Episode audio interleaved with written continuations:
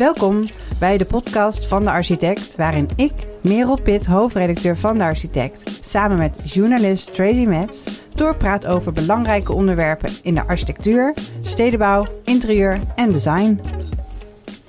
Jeetje Tracy, de allerlaatste aflevering alweer van deze reeks. Ik vind het een hele positieve reeks waarin we echt enorm veel ja, geloof in een, een betere toekomst eigenlijk hebben gehoord. Oh, het is enorm optimistisch. Misschien ook een beetje utopisch, want zo makkelijk is het allemaal niet. Uh, daar hebben we ook uh, eerlijke verhalen over gehoord, waar je tegenaan loopt. Maar er is een soort bezieling uh, in de architectuur en de stedenbouw en in het denken over materialen en wat er allemaal kan zonder het milieu om zeep te helpen. En dat dat nu echt mainstream begint te worden. Fantastisch. Ja, dit is echt de weg die we moeten gaan. En we komen nog allerlei obstakels tegen, maar toch uh, moeten we het aangaan. En ik heb ook wel het idee dat we in een transitiefase zitten, waarin die obstakels ook aangepakt worden op een groter schaalniveau. Ja, ja. en uh, echt een beleid gaat aarden. Daarmee zijn die obstakels niet weg, maar het, het heeft een soort onontkoombaarheid. Iedereen voelt dat het deze kant op gaat. Ja. En misschien zelfs dus dat we nog staal gaan uh, produceren met waterstof. Dat vond ik wel van, vorige, van de vorige aflevering de, de grootste eye-opener. Dat had ik nog niet bedacht. Nee, ik ook niet. Nou, vandaag spreken we twee hele leuke pioniers. Twee ontwerpers die een beetje aanschoppen uh, ja, tegen hoe alles gaat überhaupt. Uh, maar zij schoppen niet alleen, ze gaan het ook gewoon doen, hè? Ze doen. En ze doen het ook op een manier dat het niet alleen maar een leuk incident is, maar echt structureel. Bijvoorbeeld, ze gaan hebben, hebben of gaan allebei fabrieken bouwen. Onze eerste gast is Hester van Dijk. En zij is samen met Reinder Bakker oprichter van ruimtelijk ontwerpbureau Overtreders W. En ja. ik weet, en ik heb dat vandaag bij jou kunnen bevestigen, dat komt uit Winnie the Pooh. Ja, dat klopt. maar um, uh, ja, het is een hele gekke naam natuurlijk. Ja, en, ja. en, sommige mensen snappen helemaal niet waar het vandaan komt. Of ze noemen ons de overtreders. en vroeger vonden we dat uh, een beetje ongemakkelijk. Want het klinkt alsof je iemand bent die hele stoute dingen doet. Nou, dat doen jullie ook. Ja, ja toch ook wel. Ja, maar volgens zeker. mij in het Nederlands is het echt van je breekt de wet. Maar in het Engels is to trespass is meer je gaat buiten de gebaande paden. En dat vind ik wel iets wat heel erg bij ons past. Gewoon afwijken van, van alle paden die al ingesleten zijn. En juist kijken wat er buiten te vinden is en hoe je dingen anders kan doen. Precies, precies. Ja. En op dat bord in Winnie the Pooh, om dat even af te maken, mm -hmm. stond Trespassers will be prosecuted. Ja. Maar het bord was afgebroken na Trespassers W. Ja, dus jullie zijn overtreders W. Aan het ja. disrupten. Materiaal choreografen. Um, ik vond het een heel mooi begrip. Materiaal beweegt zich in jullie denken in een trage dans over de oppervlakte van de aarde. Mm -hmm. Dan vang je het tijdelijk in een gebouw. Daarna vergaat het weer en beweegt het weer over de ja. aarde. Of je kan het nog een keer hergebruiken. En ah, nog, een keer nog beter. Ja. ja. En jullie nieuwste project is de paviljoen The Voice of Urban Nature. 100% lokaal en biobased paviljoen voor de gemeentes Amsterdam en Almere. Nu te zien op de Floriade. Ja, dat klopt. Oké. Okay. En we hebben ook bij ons Hedwig Heinsman. Wij kennen elkaar al heel lang, Hedwig, van toen je medeoprichter was van Dus Architecten. Dat klopt. Die naam hebben gemaakt met het denken over het 3D-printen van een grachtenpand. Ja. Heel revolutionair. En die kennis heb, hebben jullie nu omgezet sinds 2017, als ik het goed heb, in Actual. Ja. Een digitaal bouwbedrijf. Een circulaire architectuur on-demand platform. Oh. Ja. Ga je ons straks uitleggen, hè? Met eigen software tools en grote printers maken jullie uh, met name interieurs. En ook interieurs die door de shredder kunnen en opnieuw gemaakt kunnen worden. Ik hoef er niks meer aan toe te voegen. Ja. ja. Echt een heel nieuw concept. En ik heb uh, werk van jullie op verschillende plekken gezien. Bijvoorbeeld Dutch Design Week. En het is ook gewoon heel mooi.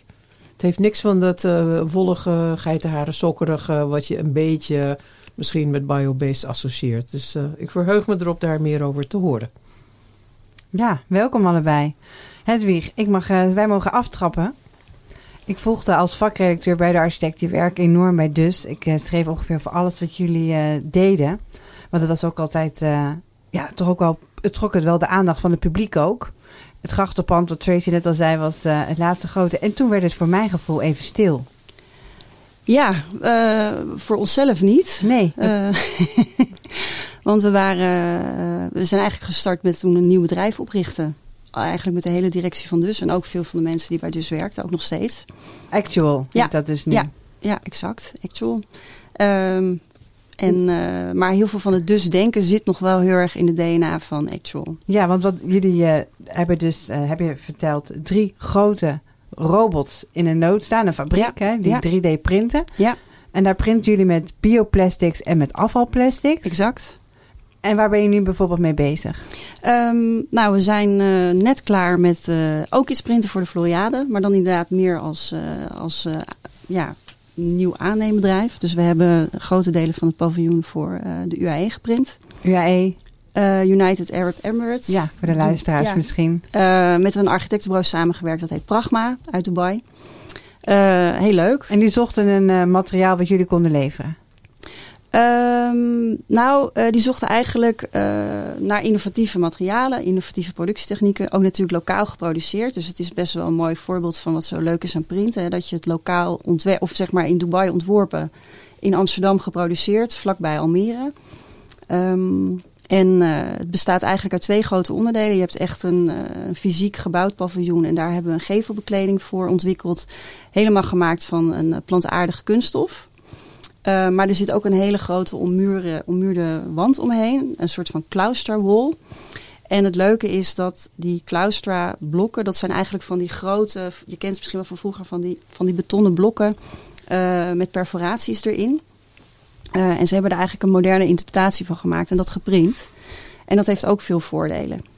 En dan kijken jullie welk, wel, jullie printen met bioplastics en met afvalplastics. En Ja. welke hebben jullie hier nou voor gebruikt? Nou, in dit geval dus bioplastics. En in het geval van die clausterwol is het virgin plastic, dus nieuw plastic. Maar het wordt wel hierna weer opnieuw gerecycleerd in nieuwe producten. En dat vonden ze ook wel leuk, omdat olie is natuurlijk eigenlijk uh, een materiaal wat heel erg belangrijk is voor het Midden-Oosten, waar plastic van wordt gemaakt. En het grappige is dat nu heel erg naar plastic wordt gekeken als echt een probleemmateriaal. Maar er wordt ook al wel van gesproken, ja, eigenlijk is dat het nieuwe goud. Want olie, dat verbrand je in de auto en dan Is het is weg? het weg. En wij kunnen dit wel degelijk meerdere malen uh, opnieuw gebruiken. Ja, daarom uh, uh, vraag je ook statiegeld voor alles Klopt. wat jullie maken. Ja, nou, dat is zo. We hebben een take-back service. Dus uh, we bieden al onze klanten altijd een statiegeld. Um, maar eigenlijk merken we dat de klanten het nog fijner vinden als wij gewoon het product terugnemen. Dus uh, dat bieden we altijd standaard aan, dat we de producten terugnemen en zorgen voor het recycleren. En dan maak je er weer iets nieuws van. En dan maken we er iets nieuws van. Ja. En het ziet er dan weer helemaal uit alsof het nieuw is. Ja, en dat is denk ik ook wel echt zo leuk aan 3D printen. Dat, uh, dat je dus echt steeds uh, iets totaal nieuws kan maken van het materiaal. En ook iets wat nog steeds even hoogwaardig is. Sterker nog, soms zelfs beter, omdat je het digitaal ontwerpt. En ook al die data de hele tijd mee kunt nemen in het volgende ontwerp. Waardoor het eigenlijk het ontwerp steeds slimmer wordt. En die bioplastics, uh, Hedwig, ik weet dat die een bijproduct zijn van rioolwaterzuiveringen. Mhm. En afvalwater wordt gezuiverd door bacteriën. En uit die bacteriën halen ze bioplastics. Waar halen jullie je bioplastics vandaan? Kun je gewoon een bestelling plaatsen bij een bedrijf of bij een Nou, bij het is, bij ons, het is bij ons een beetje anders. Ik denk dat het ook komt omdat wij heel erg met schaal bezig zijn. Dus echt gewoon op grote schaal onze producten kunnen toepassen. En wij hebben een aantal jaar geleden met uh, Henkel, dat is een grote multinational uit Duitsland, een materiaal ontwikkeld wat voor een groot deel uit lijnzaad bestaat. Dus het is niet volledig 100% plantaardig, maar wel het hoofd, hoofdbestanddeel is plantaardig. En een groot voordeel daarvan is dat het heel makkelijk te recycleren is. Dus het kan echt super makkelijk geschred en dan weer opnieuw worden geprint. En het is natuurlijk niet van olie gemaakt. En het is ook uh, makkelijk voor handen, wat natuurlijk ook heel fijn is als je plantaardig wil gaan produceren. De eerste keer dat ik je weer tegenkwam was in Milaan. Ja. Ja, uh, ik was uh, geattendeerd door de social media van Merle Vlugge dat ze iets moois had geprint. Dus ik dacht, nou dat moet ik gaan vinden. Dat is in een Nederlands paviljoen bij uh, Nicole in Nicole. Dus ik zoeken en daar stond jij. en ik dacht, hè? Maar dat is hoe jullie werken nu, toch? Ja, het leuke jullie werken is, met andere ontwerpers. Ja, dat klopt. Nou, het was eigenlijk in de tijd van dus architecten toen we met printen bezig waren. En dat werd steeds groter en groter. En toen merkten we dat steeds meer architecten naar ons toe kwamen. Die ook graag iets met die techniek wilden doen. Um, en ja, op een gegeven moment dachten we, die moeten gewoon gaan faciliteren. En dat was ook echt een van de redenen om Actual te starten. Dus het is echt ja, door architecten voor architecten. Um, en uh, we vinden het ontzettend leuk om met ont verschillende ontwerpers te werken. En wat we ook steeds meer doen, is dat we ook juist producten verkopen die door andere architecten zijn ontworpen. Ja, en dan gaat het vooral om het interieur, een stoel bijvoorbeeld. Ja, nou, we hebben bijvoorbeeld vorig jaar met Grammatio Keuler, dat zijn uh, twee architecten die ook een professorschap hebben aan de ETH in Zurich. En die hadden voor hun eigen uh, ja, uh, studio's, een gigantische soundstudio op de ETH. En echt een fantastische ruimte. een, een, een 3D geprint paneel ontwikkeld. Um, wat helemaal um, ja, de, de, de akoestiek beïnvloedt. En wat ook parametrisch de akoestiek kan beïnvloeden. Dus er zit een soort van vormentaal in. En afhankelijk van hoe je die vormen, die, die, die golven ja, anders vormgeeft, kun je ook echt zeg maar, uh, geluid uh, beïnvloeden. Of de akoestiek. En eigenlijk is best wel een compliment. Ja, uh, wij waren de beste partij die dat ook voor ze kon produceren. Dus we zijn met hun een partnerschap aangegaan. En het leuke is dat we dat product nu ook echt verkopen. Zijn dit de Wave panels of is dat uh, iets anders? Nee, dit is iets anders. Dit zijn okay. dan uh, Soundwave. Het lijkt er een beetje op. Ja. Maar, maar dat is dus heel leuk. Dus het is eigenlijk ook een nieuw verdienmodel voor ontwerpers. Omdat je ziet dat er natuurlijk heel veel innovatie in ons vakgebied ook ja, vaak verloren gaat. Dat zijn one-offs. Ja, maatwerk. Mm-hmm. En dan uh, wordt er enorm veel tijd in gestoken voor één product, uh, voor, één, voor één keer. En dan verdwijnt het. En wij vinden het heel leuk dat het ook met meer ontwerpers kan worden gedeeld. En dat de, de eigenaar van het ontwerp er ook steeds een share voor krijgt. Ja, nou, of een royalty. Wordt, ja, een royalty, ja. precies. Uh, en we hebben natuurlijk in deze podcast over biobased bouwen. Ja. En dat betekent hergroeibaar en hernieuwbaar. Ja. Uh, jullie werken eigenlijk op twee sporen, hè? die afvalplastics. Ja. En hoe werk je nou met die bioplastics precies? Um, nou, dat krijgen we inderdaad gewoon aangeleverd. Um, door partners. Ik denk dat dat ook wel iets is. Uh, in het verleden hebben wij als bedrijf heel veel zelf gedaan. Eigenlijk het hele ecosysteem zelf gebouwd. Zelf materiaalontwikkeling. Ik hoorde net Hester wat zeggen over yoghurtbakjes. En uh, dat klonk heel herkenbaar. uh, en op een gegeven moment dan, ja, dan ben je toch naar schaal aan het zoeken. En dan zit het er eigenlijk echt in. Dat, je, dat we eigenlijk steeds meer elementen uit ons eigen pro productieproces zijn gaan elimineren. En daar grotere partners voor in de plaats brengen. Die ons helpen om de producten te bouwen. Dus jullie gaan, we kunnen niet bij jullie aankloppen van... goh, gaan jullie ook binnenkort met mycelium printen of met uh, iets anders? Nou, het is leuk dat je dat zegt, want op de lange termijn wel. Ja. Uh, dat is echt ook wel onze ambitie om met meerdere materialen te printen. Maar die ontwikkeling, die zoeken we wel echt samen met partners. Dus we zijn nu bijvoorbeeld met één partner bezig, uh, wat echt een hele grote materialenpartij is, uh, wat heel veel afval veroorzaakt. En daar kunnen wij dus nu ja, fantastische interieurs mee printen. Maar dat doen we dan ook alleen maar als we weten dat er een bepaalde schaal in zit, een afnamegarantie en ook een heel ecosysteem en dat het ook echt goed gerecycleerd kan worden. Want wat, jullie, jullie, wat jij zegt, we hebben zoveel mogelijk op een gegeven moment de andere partij laten doen. Wat is dan de core business? Is dan de software? Nou, wat wij zelf in huis hebben, dat is uh, een productiefaciliteit. Dus inderdaad, een, of een hal. Ja, fabriek klinkt zo negatief, maar een grote hal met robots, waar eigenlijk gewoon 24-7 uh, prints worden gemaakt. En daarnaast hebben we een afdeling waar heel veel digitaal wordt ontworpen.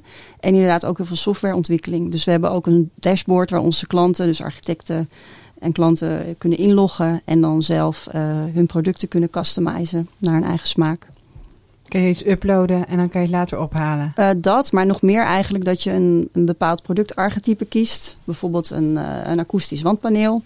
En dat kun je dan naar je eigen afmetingen van je gebouw uh, aanpassen. Je kunt de vorm tot op een zekere hoogte aanpassen, de kleur, dat soort dingen. Dus, daar kan je gewoon, dat is voor iedereen beschikbaar? Ja, ja. Ja, je moet even inloggen ja. of een, nog even een mailtje sturen.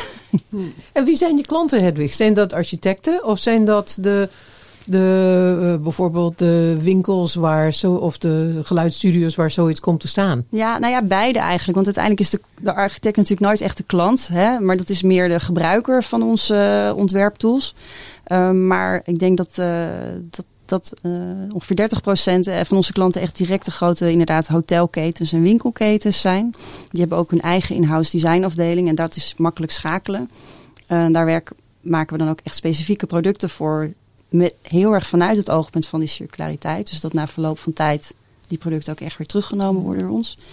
Um, maar wij werken ook heel veel met architecten en hele toffe ontwerpers. Van nou ja, Zaha Hadid architecten tot en met Patricia Urquiola. Dus uh, dat is ontzettend leuk voor ons ook. Om met al die fantastische getalenteerde mensen ja, ja samen gaaf, te werken. Gaaf ook dat ze jullie weten te vinden. Ja.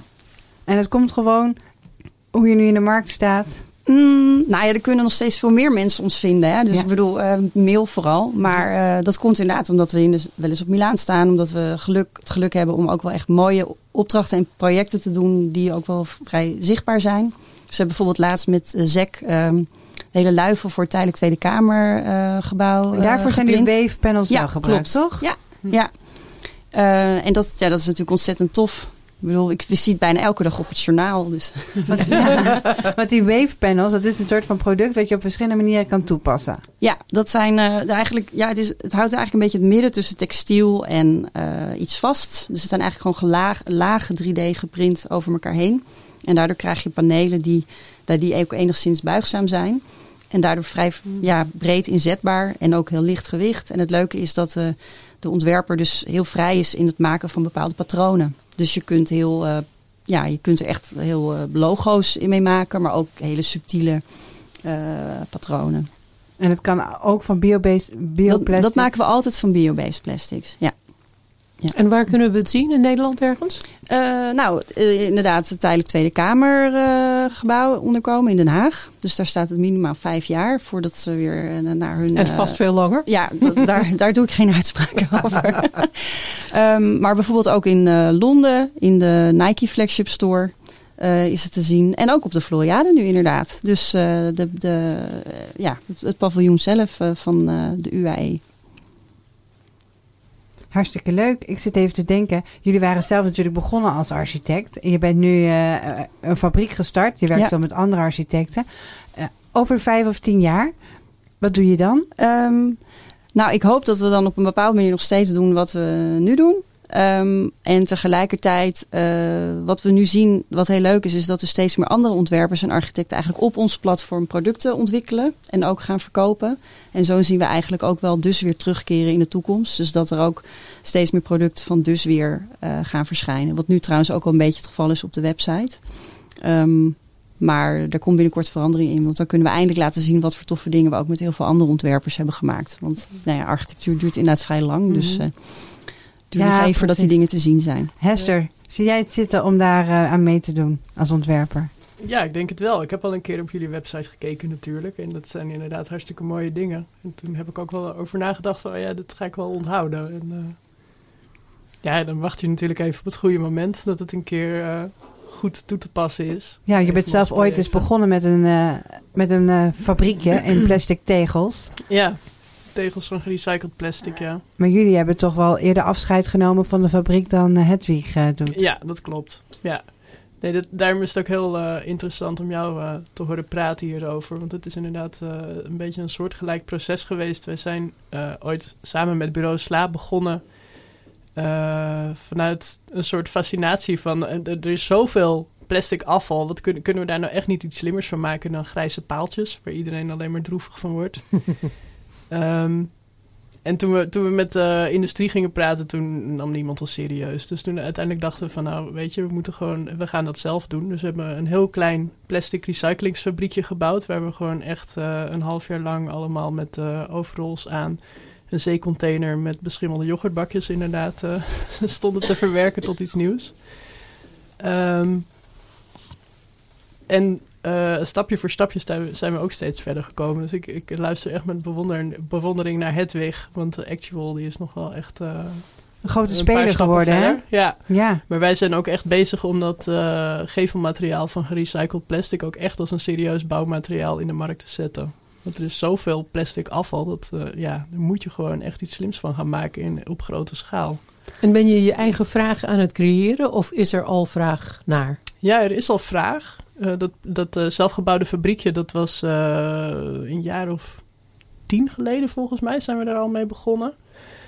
En we hadden het geluk dat we op de Dutch Design Week van eh, 2017 de kans kregen om dat, om dat productieproces ook iets groter op te schalen. Dus toen hebben we het People's Pavilion gebouwd met een gevel van ge- gerecycled plastic. En dat werd toen al echt in een fabriek gemaakt. Eh, en dat, dat project heeft Niet meer in jullie fabriek. Nee, dat konden wij niet zelf. Want wij maakten met vijf mensen, nou als we echt heel hard werkten, de hele dag eh, twee vierkante meter. en hier ging het om 350 vierkante meter. Dus dat was opeens eh, ja, te veel. Ehm, Maar toen kregen we zoveel publiciteit en aanvragen van over de hele wereld dat we dachten: dit is wel de kans om dit echt serieus te gaan nemen. Dus toen hebben we een nieuw bedrijf opgericht, Pretty Plastic BV. En dan kom je allemaal problemen tegen die je niet hebt bij tijdelijke bouw. Maar wel opeens als je iets echt uh, gewoon als gevelmateriaal wil verkopen. Want dan moet het natuurlijk aan brandveiligheidseisen voldoen. Nou, heel veel dingen waar je dan opeens wel echt uh, iets mee moet. Dus toen zijn we uh, heel lang, nou vijf jaar bezig geweest om allemaal aan die eisen te voldoen. En nu begint het te lopen. Ja, leuk. Ja. En Hedwig, heb jij ook veel eisen en certificeringen waar je tegenaan loopt uh, in jullie producten? Ja, dat is wel uh, de reden waarom uh, het langer duurde dan gepland. Ik dacht, we hebben nu inmiddels al de hele bouw gedisrupt. Ja. Maar nee, maar we doen het één bouwproduct at a time. Dus dat is ook hoe we groeien. Dus gewoon geleidelijk aan ontwikkelen we steeds meer dingen. En dat is ook een goede manier, want dan kun je dat ene product helemaal uitdiepen. UV, brandveiligheid, alle certificering helemaal regelen. En dan ook niet alleen voor Nederland, maar voor verschillende landen, wat ook nog weer een issue is. Want in elk land is er weer net andere regelgeving. Dus dat zijn allemaal dingen waar je tegenaan loopt. Maar ja, dan, als het dan lukt, dan is het ook heel tof. Ja, dan, Dus- dan heb je gewoon echt iets gemaakt wat Ja. werkt. En vooral, Nee. ik merk heel erg, ehm, want wij zijn bezig met het onderwerp en ik zoek dan ook een keer goede projecten ervan. Ehm, en nou ja, hout, biobased werkt en zo, maar al die biobased composieten, want jullie werken natuurlijk Ja. met composieten, daar is nog veel ingewikkelder. En zeker in het interieur eh, vind ik ook de eisen best wel hoog voor het gebruik. Ja, maar dat, dat is ook waarom we met verschillende materialen werken. We zien echt dat het ene product, dan werkt gewoon het ene materiaal beter en het andere het ander. Dus voorbeelden noemen? eh, nou, buiten werken we veel met afvalplastics. Dat is eh, betaalbaarder. Het is ook, eh, ja, eigenlijk is het op een gekke manier ook best wel fijn spul. Want het is hartstikke weersbestendig en het vergaat niet. De goede eigenschappen zijn meteen ook de slechte Exact, eigenschappen. precies. Ja. Dus dat is maar net hoe je het, een beetje kruifiaans, maar het is echt maar net hoe je er naar kijkt. Ja. Dus, dus, eh, dus op een positieve, er zitten ook veel positieve kanten aan. Zeker als je er ook mooi design aan koppelt. Ik denk dat dat ook echt iets is om te benoemen. Dat eh, wat, wat wij zien, want ja, heel veel mensen kunnen wel iets maken van afvalplastic. Maar de kracht van goede architectuur en goed Mhm. interieurontwerp. ehm, dat maakt ook dat iets waarde krijgt. Dus we proberen ook echt te zoeken naar een soort van intrinsiek ja, ontwerpesthetiek die hoort, die dat materiaal ook een, ja. ja, iets, eh, iets Ja. meegeeft. Want daar hebben wij het ook veel in de vorige afleveringen over gehad. Hè? Neem biobased bouwen. Brengt het ook een bepaalde esthetiek mee? Of is, gaat het materiaal voor de vorm? En dat jij zegt, nou het materiaal gaat niet voor de vorm. Eh, nee, nou wat ik dus zelf heel leuk vind, is dat eh, binnenkort zul je iets zien van een eh, modehuis, eh, best wel bekend. En dat is echt iets heel moois wat we hebben gemaakt. En ze komen bij ons omdat ze het gewoon heel mooi vinden en Mhm. circulair. En het feit dat het dan nog bioplastic is en geprint, dat maakt Mhm. eigenlijk helemaal niet uit. Mhm. Dus het zijn echt gewoon de, ja, de twee kenmerken van waarom mensen bij ons komen. Omdat het gewoon hele mooie op maat producten zijn en ook omdat het een stuk duurzamer is. En volgens mij is dat mooi vinden ook een vorm van duurzaamheid. Want als je, en dat hebben we ook eerder Ja. in deze reeks gehoord. Klopt. Als je houdt, als mensen gaan houden van wat je voor ze hebt Ja. gemaakt, willen ze het ook behouden. En Ja. wordt het minder snel gesloopt, worden Ja. de materialen niet eh, weer eh, in de natuur gegooid. Ja, eens. Ik geloof ook heel erg in bouwen voor de eeuwigheid. En tegelijkertijd, ik kom zelf uit Lelystad. Nou, ik denk alles wat, wat daar ooit gebouwd is, is ook al inmiddels weer een keer gesloopt. En soms wel twee keer gesloopt. Dus ik merk ook, wat ik, aan de ene kant zou ik het heel tof vinden dat we echt hele mooie dingen bouwen voor de eeuwigheid. En aan de andere kant dat we ook onderkennen dat mensen ook behoefte hebben aan variatie. En dat je dingen tijdelijk kan maken. Nou ja, wat Mhm. Overtreders natuurlijk ook doet. En dat je daar dan ook gewoon goede vehicles voor zoekt. En dat Nou je dat ja, ook dat helemaal vond- circulair doet. Nou, maar dat vind ik zo mooi aan dat voorbeeld eh, van jullie. Dat, al, dat eh, jullie werken met een, eh, een, winkel. eh, en die eh wil een nieuw interieur. En die brengen gewoon eigenlijk hun eh, materialen weer terug naar jullie. ja. Jullie shredden dat en printen er een nieuw interieur van. Exact. Ja. Dat vind ik ook wel interessant, want jij zei net, we blijven natuurlijk wel architecten, dus we willen heel graag die stap naar buiten maken. Ja.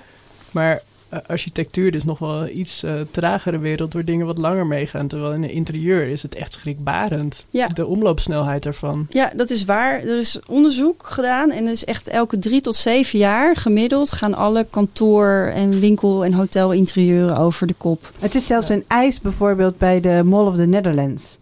Dat Ja. ze gewoon binnen drie of vijf jaar, ik weet het niet precies, een ander interieur hebben. Ja. Nou ja, dus dat, dat, dat is echt heel heftig. En als je Ja. denkt hoeveel afval dat is en ook hoeveel maatwerk, hè, want dat wordt allemaal op maat gemaakt. Dus dat zijn eigenlijk heel veel dingen waar wij eigenlijk ja, een hele goede oplossing voor hebben. En het wordt ook on-demand gemaakt. Dus er is ook alleen maar, er wordt alleen maar geproduceerd als het ook ja, nodig is. En als je daar binnenkomt Mhm. bij de Mall of the Netherlands, is de hele wand waar je langs loopt om binnen te komen één grote expositie over hoe duurzaam het allemaal wel niet Ja. is. Ja. Ik moet Dus er een- keer gaan kijken. Ja, je moet er een keer. Het is een experience, eh, weet ik uit ervaring. Nog één eh, laatste vraag. Ehm, ja, ik hoop gewoon dat, dat we iets van Dus Architects ook binnenkort weer gaan eh, zien. Kan je zeggen wanneer ongeveer? Nee, dat durf ik echt niet te zeggen. We vinden Actual echt nog even te leuk. Ja. Dus daar gaan we echt nog wel lang mee verder. En dan, maar we zijn nog voor architecten relatief jong. Dus op een gegeven moment gaan we gewoon daar Begint mee bij je vijftigste, toch? Ja. Ja, dankjewel. Geweldig. Dankjewel, Hedwig. Ja, nee, hartstikke leuk. Graag gedaan. En Hester, jij bedankt voor het paviljoen eh, The Voice of Urban Nature op de Floriade.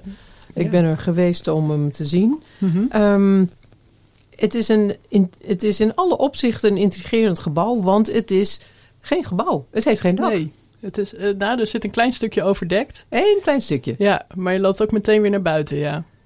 Dus eh, als je aankomt lopen, dan zie je een hele grote eh, gesloten roze wand. Met maar één opening eigenlijk. En dan loop je daardoor naar binnen. Dan kom je onder een afdak. Maar je gaat eigenlijk meteen door de tuin in. Een ommuring is het. Ja, dus eigenlijk Oh, meer mooi een gezegd. ommuring. Een ja. ommuring, ja, ja. Ja. Vertel over die wanden, die roze wanden.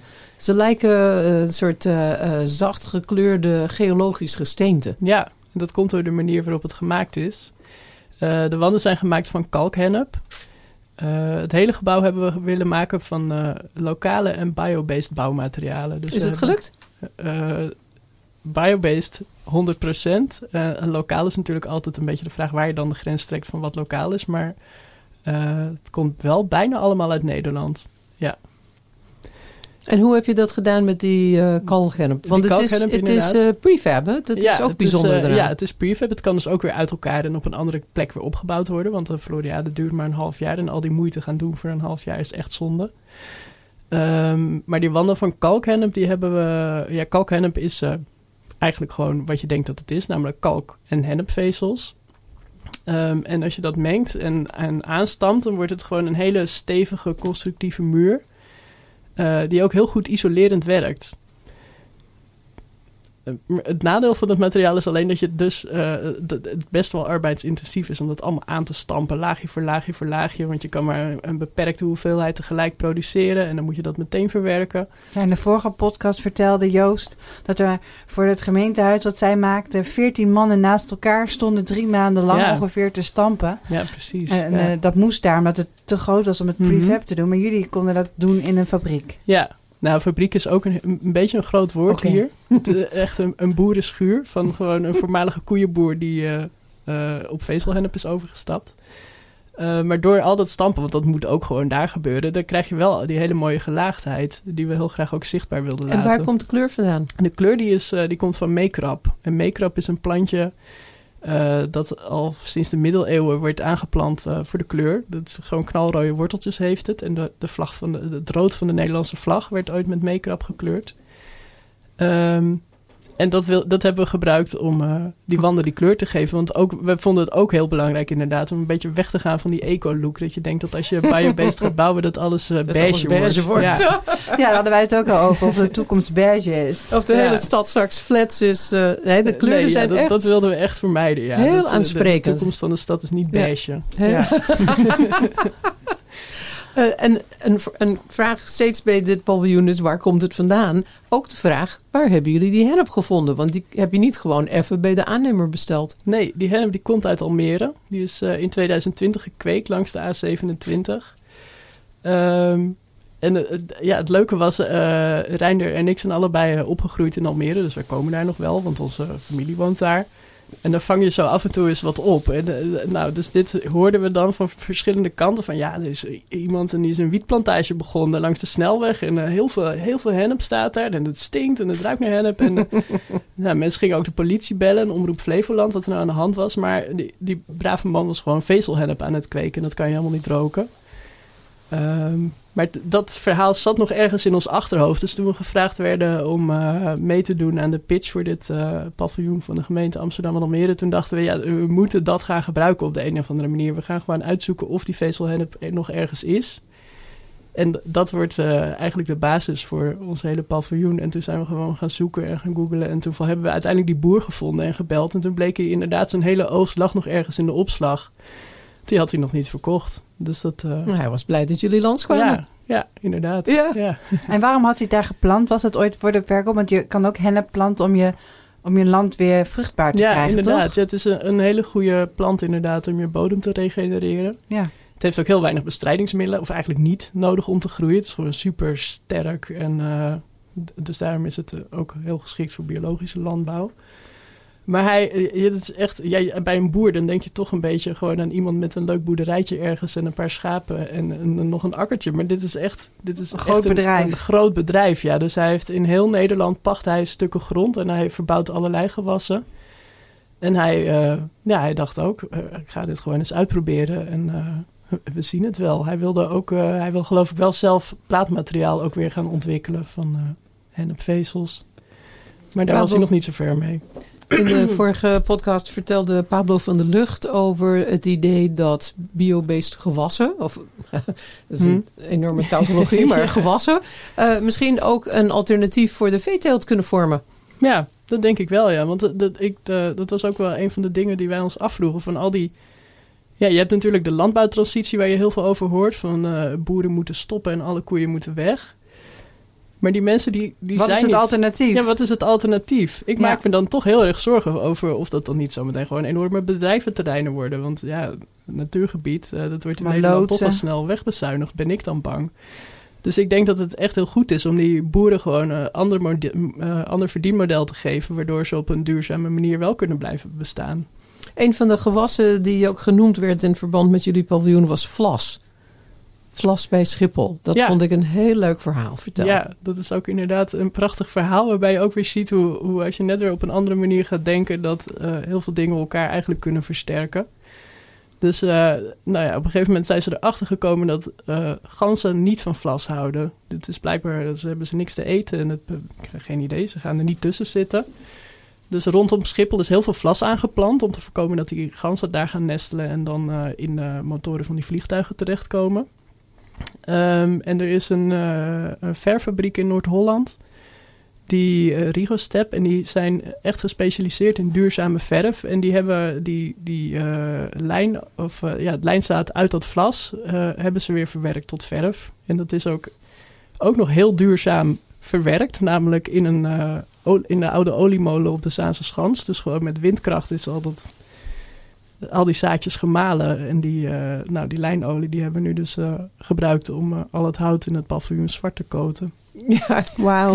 Je kan het niet verzinnen hoe ja. je van Schiphol weer helemaal terugspoelt naar een molen op de Zaanse Schans ja. voor, die, voor die lijnzaad. Ja. Prachtig. En wat hebben jullie met die verf gedaan? Uh, nou, we, uh, nou, ook weer eigenlijk dus om, die, uh, om een andere esthetiek te zoeken dan Biobased is altijd hout en beige. Wilden we alle verschillende houtsoorten, want er zitten heel veel verschillende houtsoorten in het paviljoen, hebben we allemaal zwart gemaakt met die, met die lijnolieverf.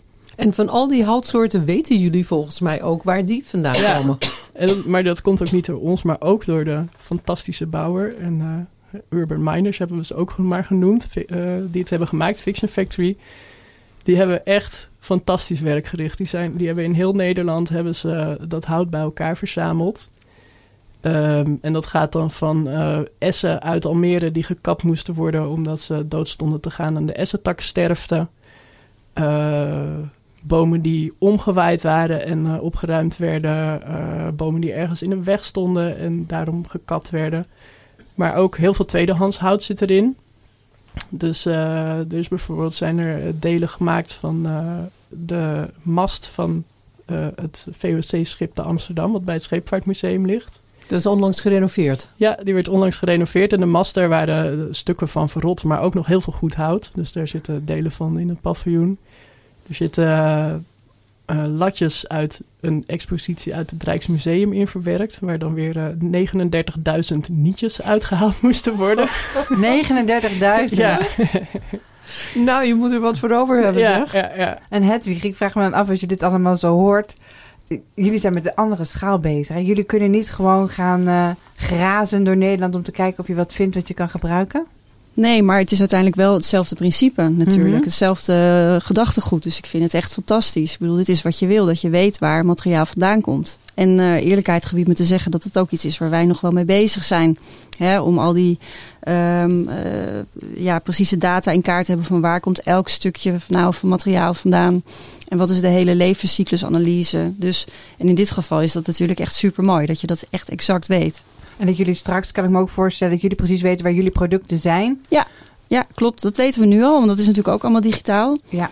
Dus, eh, dus ja, ik zie eigenlijk heel veel overeenkomsten. eh, maar wij zijn meer vanuit eh, de, de digitale kant hebben we denk ik aangevlogen een ander maakprocedé. Ehm, en dit is ook heel, ja, ik vind het heel mooi. Het is heel erg ambachtelijk en het gaat ook heel erg over het zelf maken. Ik was ook heel Mhm. benieuwd of jullie, ja, maar fiction bouwt het inderdaad in dit geval. Ja. Ik voel me ook af, hoeveel staan jullie zelf nog echt te, Ja, te dat, bouwen? dat deden we vroeger wel meer en ik mis dat ook wel. Ja. D- dit is wel een schaal die gewoon te veel is. En er zijn mensen die veel beter kunnen timmeren en eh, zagen dan ik dat kan.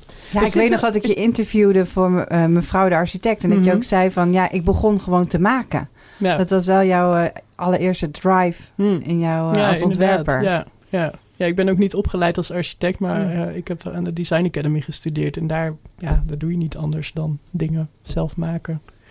Er zit wel iets eh, 3D geprints in, speciaal voor Hedwig. Ja? In de klopt. ja. Voice of Urban Nature. Wat is dat? Eh, de, de beletteling langs de rand van het paviljoen. Die is eh geprint door studio Klarenbeek Dros. Eh, en die hebben dat ook van... eh, Waar is die van gemaakt? Van rietsuiker en met een pigment van algen. Wauw, nou leuk. Ik ga straks kijken. Dus Ja. ik ben heel benieuwd. Volgens mij staan wij vlak bij elkaar. Leuk. Ja, ik ben dus Ja. nog helemaal niet geweest op mijn schaamte. Dus ik ga, ik ga vanmiddag. Ik vond het interessant eh, van de overtraders. Ik ga altijd, omdat ik weet van hoe de boel overtraders zeggen. overtraders wee. eh, dat jullie de tijdelijke bouw, bijvoorbeeld zo'n paviljoen of het People's Pavilion toen voor de Mhm. Dutch Design Week, als een proeftuin voor de permanente bouw beschouwen. Ja, Maar dat betekent een enorme schaalvergroting. Terwijl Mhm. heel veel van wat jullie eh, zo mooi laten zien Mhm. eh, nu op de Floriade... is heel erg, eh, nou die 9000 39.000 nietjes bijvoorbeeld. Dat is, er zit veel handwerk bij. ja. Dus hoe schaal je op? Ehm, nou, bijvoorbeeld die, die inderdaad, die gerecycled plastic tegels van Pretty Plastic is daar een voorbeeld van. Door gewoon een van die dingen die we als klein experiment zijn begonnen, gewoon op grote schaal te gaan uitwerken. Zou bijvoorbeeld die kalkhennep eh, gevelpanelen kunnen zijn? Ja, daar zitten we wel over na te denken. Kan ik me voorstellen. Want dat is een van de dingen wat wij in de vorige podcast ook hebben gehoord. Mhm. Is dat eh, best wel goed te bouwen is biobased. houten constructie en zo. Maar Mhm. dan kom je aan eh, op gevelpanelen. Ja, dat is best wel ingewikkeld om Ja. die biobased te hebben. Ja, ja, inderdaad. Ja. En dat kalkhennep is wel echt een geschikt materiaal daarvoor.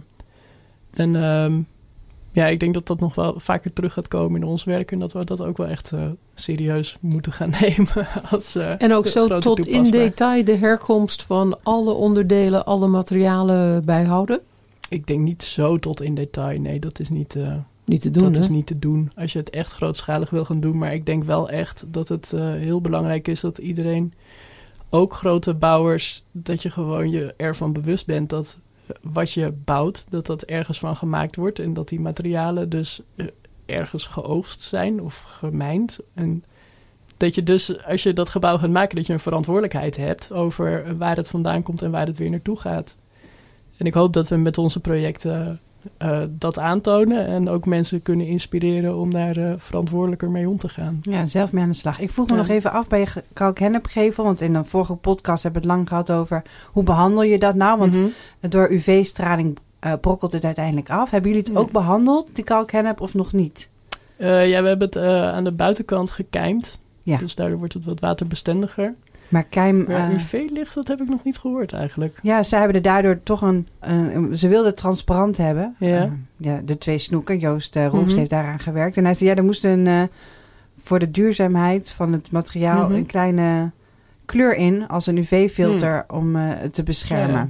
Want alleen de, de transparante keim was dan Mhm. niet goed genoeg, dachten Mhm. zij. Ja, nee, ja, grappig. Die heb ik nog niet gehoord. Ik weet wel dat de werkstadarchitecten... die hebben in eh, Friesland een heel mooi huis ermee gebouwd. En die hebben het ook gewoon helemaal eh, onbehandeld gelaten aan de En buitenkant. ze hebben het ingesmeerd met olie. Ja, maar dat houdt ook geen UV tegen. Nee, dat moet je elke twee, drie jaar opnieuw doen.